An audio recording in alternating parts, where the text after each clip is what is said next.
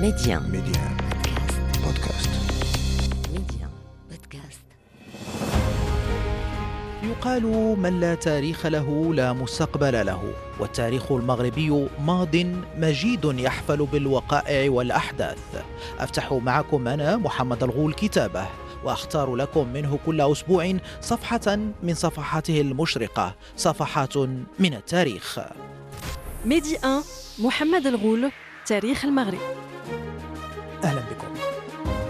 نواصل معكم متابعينا الكرام في عدد جديد من تاريخ المغرب إلقاء الضوء على هذا الجزء من تاريخ هذا الوطن الذي طاله كثير من الغموض والتهميش ولم ترد عليه الكثير من الأخبار وحتى تلك الواردة يؤكد الباحثون المعاصرون أنه يمكن رد الكثير منها ونفيها. الأمر يتعلق بدولة براغواطه وكنا قد تعرفنا في العدد السابق عن الظروف العامة التي نشأت فيها هذه الدولة الظروف السياسية والعسكرية في المغرب والمجتمعية المتمثلة في غضب الآمازيغ من تصرفات ولاة الأمويين وثورتهم عليها. وكيف أن دولة برغواطة امتدت على فترة زمنية طويلة وجزء مهم وغني من التراب المغربي الحالي. المنطقة الواقعة بين وادي أم الربيع ووادي أبي رقراق وكيف أنها صمدت في مواجهة دول قوية واستمرت حتى بدايات الدولة الموحدية وتميزت بقوة اقتصادية وعسكرية وعقدية سمحت لها بهذا التمدد الزمني. وتعرفنا عما نقل من طرف مؤرخين معاصرين أو غير معاصرين من أن هذه الدولة قامت على أساس ديني وصف بالتأثير المجوسي والمسيحي واليهودي والارتداد عن دين الإسلام وإنشاء عبادات وقرآن جديد باللسان الآمازيغي من طرف أميرهم صالح ابن طريف الذي ادعى النبوة. وهي تأويلات يرى الكثير من الباحثين المعاصرين في التاريخ ومنهم ضيفنا الأستاذ أحمد سراج المؤرخ والأستاذ الباحث بجامعة الحسن الثاني بالدار البيضاء أنها غير صحيحة إلى حد كبير وأن الإسلام ظل هو الدين السائد لدى الدولة البرواطية حاكمين ورعية وإن كان قد مورس في بعض جوانبه باللسان الآمازيغي. نواصل في هذا العدد من تاريخ المغرب إلقاء مزيد من الضوء على ما غامض في تاريخ هذه الدولة التي يعود تأسيسها إلى طريف بن صالح. ونشير هنا إلى أن طريف هذا كان من قادة الدولة الإسلامية الأموية وهو من قاد الحملة الأولى لفتح الأندلس قبل حملة طارق بن زياد حيث كان طريف أول من وضع قدمه على الساحل الأندلسي على رأس قوة استطلاع بتاريخ الواحد 91 للهجرة 710 للميلاد ونزل في موقع مدينة طريفة حاليا في الجنوب الإسباني ومن هنا تسميتها طريفة على اسم جزيرة صخرية صغيرة قبالتها سميت طريف باسم قائد البعثة طريف ابن صالح. وفي حديثه عن دولة برغواطة نقل البكري في كتابه المغرب في ذكر بلاد إفريقية والمغرب. قال زمور البرغواطي أن بني صالح بن طريف يركبون وقت أخباره في ثلاثة آلاف ومئتي فارس وأن قبائل برغواطة الذين يدينون لهم وهم على ملتهم جراوة زواغة البرانس بنو ناصر ومنجسة وبنو أبي نوح وبنو وغمر ومطغرة وبنو برغ وبنو دمر ومطماطة وبنو وزغنيست وعددهم ينتهي أكثر من عشرة آلاف فارس. وممن يدين لهم من المسلمين وينضاف إلى ممتلكاتهم زنات الجبل وبنو وليت ونملاتة وبنو وسينت وبنو يفرن وبنو نغيت وبنو النعمان وبنو أفلوسة وبنو كونا وبنو يسكر وأصادة وركانة ويزمين ومنادة وماسنة ورصانة وترتارة وبلغ عددهم نحو 12 ألف فارس. قال زمور وليس في عسكرهم طبول ولا بنود وعد زمور من أنهار بلادهم الجارية أزيد من 300 نهر أعظمها نهر ماسانت وهو يجري من القبلة إلى الجوف وبين عنصره وموقعه في البحر مسيرة ستة أيام ونهر ونسفين ويقع في نهر شلة وتحت الرباط في البحر المحيط. انتهى نقلنا عن البكري بتصرف وهو هنا يذكر القوة العسكرية الكبيرة لبرواتا كما يحيل على غنى أرضهم وخصبها بتعدد الأنهار فيها ويذكر ضمنها الأسماء القديمة لنهري أم الربيع وأبي رقراق حاليا كما يحيل على تعدد القبائل الداخلة تحت سيادة الدولة البرغواطية ما يحيل على ما ذكره الأستاذ أحمد سراج من أن هذه الإمارة كانت تتخذ شكلا فيدراليا بين القبائل ومن هنا كذلك ربما تعذر تفسير اسمها برغواطة ومصدره وحول قوة دولة برغواطة تنقل المصادر التاريخية المتوفرة أنها صمدت رغم استمرارها في حروب متواصلة مع محيطها. الأدارس ومنذ عهدي إدريس الأول وإدريس الثاني حاربوها بداعي أنهم مجوس ويجب إدخالهم في الإسلام فشنوا عليهم هجمات متواصلة لكنهم فشلوا في القضاء عليهم رغم تمكنهم من انتزاع مساحات من الأراضي من سلطتهم وتطوير تسويقهم من كل الجهات لكن وجودهم على البحر واعتمادهم التجارة البحرية عبر موانئهم وصلاتهم بالأندلس مكنتهم من الحفاظ على قوتهم ووجودهم. ابن حوقل ينقل أن الصراع بين الفاطميين والأمويين على المغرب الأقصى جعل من برغواطة هدفا مشتركا لهما مباشرة أو عبر حلفائهما. لكن مع ذلك صمد البرغواطيون وبل تمكنوا في عدد من المواجهات العسكرية من الانتصار في العام 366 للهجرة الموافق ل 977 هاجمهم جعفر بن علي الأموي لكنه انهزم أمامهم هزيمة كبيرة. وفي العام 372 للهجرة أرسل المنصور العامري وضاحا وتمكن من تحقيق عدد من الانتصارات عليهم. وكذا هاجمهم بلقين بن زيري نائب الفاطميين. العام 309 وستين وحاربهم كذلك حكام بنو يفرن وحتى المتصوفة كانوا يشكلون رباطات في محيط أراضيهم بدعوى الجهاد فيهم. ورغم كل هذا المجهود الحربي المسلط على الدولة البرواطية فقد تمكنت من الصمود والمقاومة وبل التوسع في أحيان كثيرة واستمرت كما ذكرنا حتى بدايات الدولة الموحدية بمعنى أن عمرها امتد لأزيد من ثلاثة قرون على الأقل. الأقل ويشير المؤرخون في تأكيد على قوة هذه الدولة أنها تمكنت من هزم المرابطين وهم من هم من أهل القوة العسكرية وحتى قتل قائدهم عبد الله بن ياسين. ويعرف للدولة البرغواطية في خريطتها السياسية سبعة قادة هم المؤسس طريف بن صالح وحكم بين العامين 122 للهجرة حتى ال 127 للهجرة ثم ابنه صالح بن طريف يليه ابنه إلياس ثم يونس بن إلياس أبو عفير أو أبو غافر محمد يليه أبو الأنصار عبد الله وختامهم أبو منصور عيسى وانتهى حكمه في العام 389 للهجرة. وكانت نهاية الدولة البرغواطية مع بداية الدولة الموحدية التي تمكن قادتها بعد معارك أخذ ورد وانهزامات وانتصارات من القضاء على كل آثار الدولة البرغواطية. وينقل بعض الباحثين أن هذه الفترة وحروب البرغواطيين الكثيرة مع المرابطين والموحدين كانت سببا في عدم بقاء كثير من آثار البرغواطيين بسبب الإقدام على تدمير كل مدنهم ومراكزهم وهو ما يحيل عليه اليون الإفريقي الذي ذكر بأن المرابطين في إطار سياستهم للقضاء على البرغواطيين نهجوا سياسة الأرض المحروقة تجاه مدنهم ودمروا أكثر من أربعين مركزا سكانيا لهم. وربما هذا هو ما يفسر التناقض بين القول بأن برغواطة كانت دولة حضارة مدن وضمت الكثير من المدن في نطاقها الجغرافي حتى يعدون منها 180 مدينة. وابن ابن خلدون تحدث عن تمدن أهل برغواطة بينما لم يبقى أي أثر عمراني يدل على ذلك في يومنا هذا.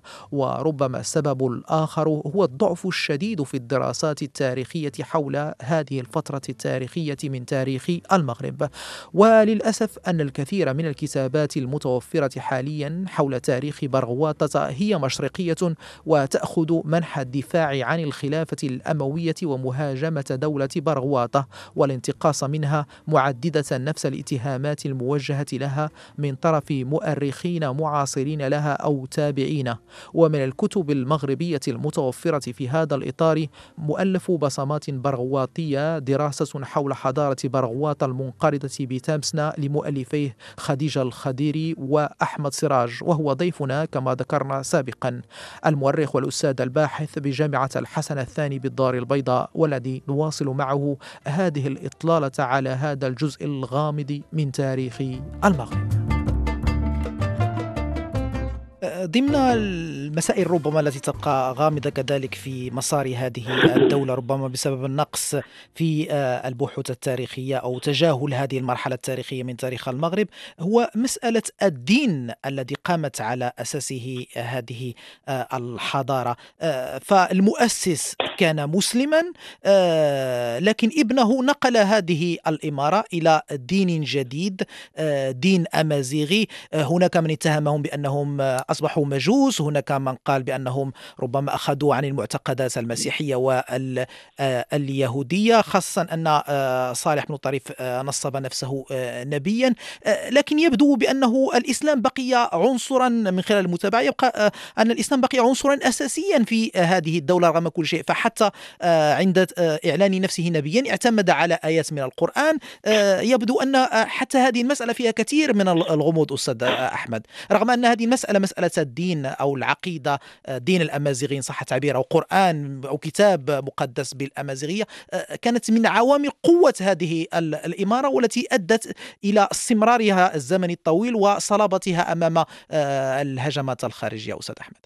مسألة الدين دين ديانة بروطة لقد طرحت هذه المسألة وقلت بأن آه، يجب أن نفصل دائما المسألة التاريخية التي اهتمت بهذه الإمارة بين ما ورد على لسان سفيرها إلى أمير الأندلس لأنه هو الأصل. بفضل ذلك تعرفنا على الإمارة. لو لم يكن البكري حاضرا لما تحدث عن هذه الإمارة أحد.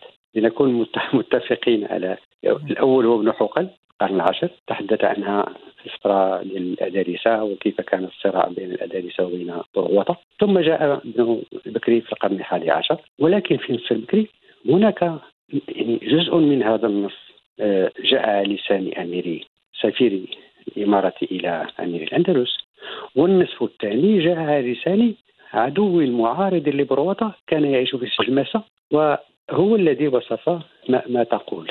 يعني ديانتهم وأنهم كانوا آه، يعبدون الديك وأنهم كانوا لا يأكلون السمك حتى حتى يدكى إلى آخره. هذه هذه الخزعبلات كما نسميها يعني في العصر الوسيط. إشاعات العدو اذا هي هي إشاعات عدو هذا هذا كل شيء.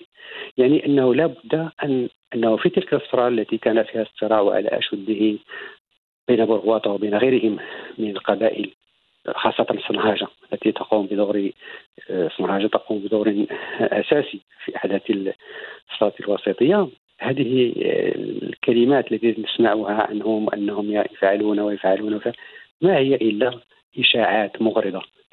الواقع هو أنه كيف يمكننا أن نتصور أن أمير هذه الإمارة يغادر بعد تأسيسها الحج؟ يعني لا يمكن إلا أن يكون يعني لا, لا تستقيم تفسيرات وهذه الواقعة أيه فعلا. نعم هذا هذا شيء واضح. فقضيه قضية ديانة بروطه يعني وحتى في أصلها الأصل كسيله بن لمزم هذا الذي يقال أنه قتل عقبة بن نافع هذا هذا هذا الشخص كان مسلما وظل على إسلامه. والنصوص تقول ذلك.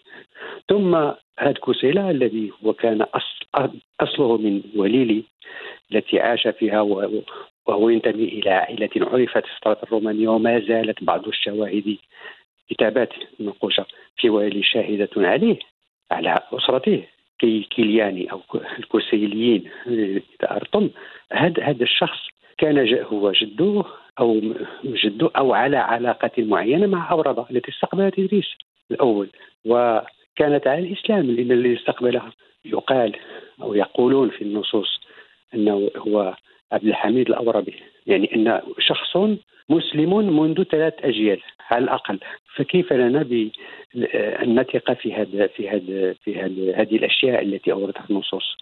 أنا أعتقد بأن الديانة هؤلاء كانوا قوم مسلمين. وأنهم آه، كانت لهم استمرارية في النضال ضد كل القوى التي حاولت في شمال إفريقيا على العموم ولكن في المغرب على الخصوص كل القوى التي حاولت أن تتحكم في رقابهم أو أن تفرض عليهم نوعا من الديانة نوعا خاصا من الديانة أو التدين. وكانت هذه الديانة مزيجا من القواعد الأمازيغية الأصيلة ومن الإسلام. وقد يقول البعض آه، أنه أيضا هناك بعض السمات المسيحية أو اليهودية على الخصوص في هذه الديانة قد يكون ذلك ولكننا لا يمكننا أن نثق بكل ما نثق بكل ما تورده النصوص ما دمنا لا نتوفر على كتاب خاص متعلق بهذه الديانة. أستاذ أحمد كتاب يعني يعني معاصر. أقصد ماشي كتاب دابا معاصر. أستاذ أحمد آه، في إطار ربما ما يميز هذه الإمارة أو هذه الحضارة ربما أنا أقرب إلى توصيفك باعتبار أنه آه، لاحظت ضمن المعلومات المتوفرة آه، بخصوص أنها كانت حضارة مدن فرغم أن المساحة الجغرافية كانت صغيرة إلا أنها كانت توفر بها مجموعة من المدن وكانت حضارة تجارة منفتحة على الخارج خاصة مع الشمال مع إسبانيا والجنوب الصحراء وكانت لهم علاقة تجارية متنوعة آه، بمعنى أنها آه، ربما كانت في وضع متقدم مقارنة بمحيطها آه، أستاذ أحمد. نعم القضية قضية ديال حضارة المدن ألا تعتقدون يعني إن هناك واحد المفارقة في تاريخ المغرب؟ كيف أننا نعيش في الفترة القديمة فيها مدن في الشمال؟ وليلي وليكسوس و... وتمودا وغيرها من المدن وسلا. ولا نسمع شيئا عن الجنوب لا عن تامسنا ولا عن الشاوية ولا عن السوس الأقصى ولا السوس الأدنى حتى حاجة. ولكن مع بداية القرن السابع الثامن تظهر حضارة مدنية في الجنوب. بشكل بشكل بشكل كبير يبدو من خلالها أنها لا, لا يمكنها أن تكون وليدة واقع والواقع الجديد لشمال إفريقيا. في القرن السابع. يعني إنها ماشي وليده الإسلام فقط. هي حضارة مدنية سابقه والدليل أنه يقولون أن أغمات مثلا في مراكش سابقة عن الإسلام عن دخول الإسلام. فهذه النصوص تقول أن بترسنا كانت هناك مجموعة من المدن. آه ويقول بأن زعيمها في ظل الحروب التي كانت تشن عليه أو يشنها على أعدائه هدم وخرج مجموعة من المدن. طبعا هذه مرة أخرى هذه الأرقام التي تقدمها النصوص هي موضوع لابد أن تكون موضوع شك من ناحية. ومن ناحية أخرى مفهوم المدينة يجب أن نأخذه بحذر. ليس المفهوم والمفهوم ماشي هو فاس ولا ليس هناك آه، نموذج من المدينة الإسلامية أو المدينة التي تتحدث عنها النصوص الإسلامية. الأستاذ أحمد سراج المؤرخ والأستاذ الباحث بجامعة الحسن الثاني بالدار البيضاء. نتفق إذن على أن هذه الفترة التاريخية تحتاج المزيد من البحث والتنقيب لتوضيح ما غمض منها. وختاما أشكر لك الأستاذ أحمد. شكرا جزيلا كل هذه المعلومات التي تقسمتها معنا ومتابعينا. شكرا جزيلا لك متابعينا. وعاود التذكير بأنه يمكنكم متابعة كل الأعداد السابقة من تاريخ المغرب عبر تحميل تطبيق تطبيق ميدي إن بودكاست. إلى اللقاء. ميدي إن محمد الغول تاريخ المغرب.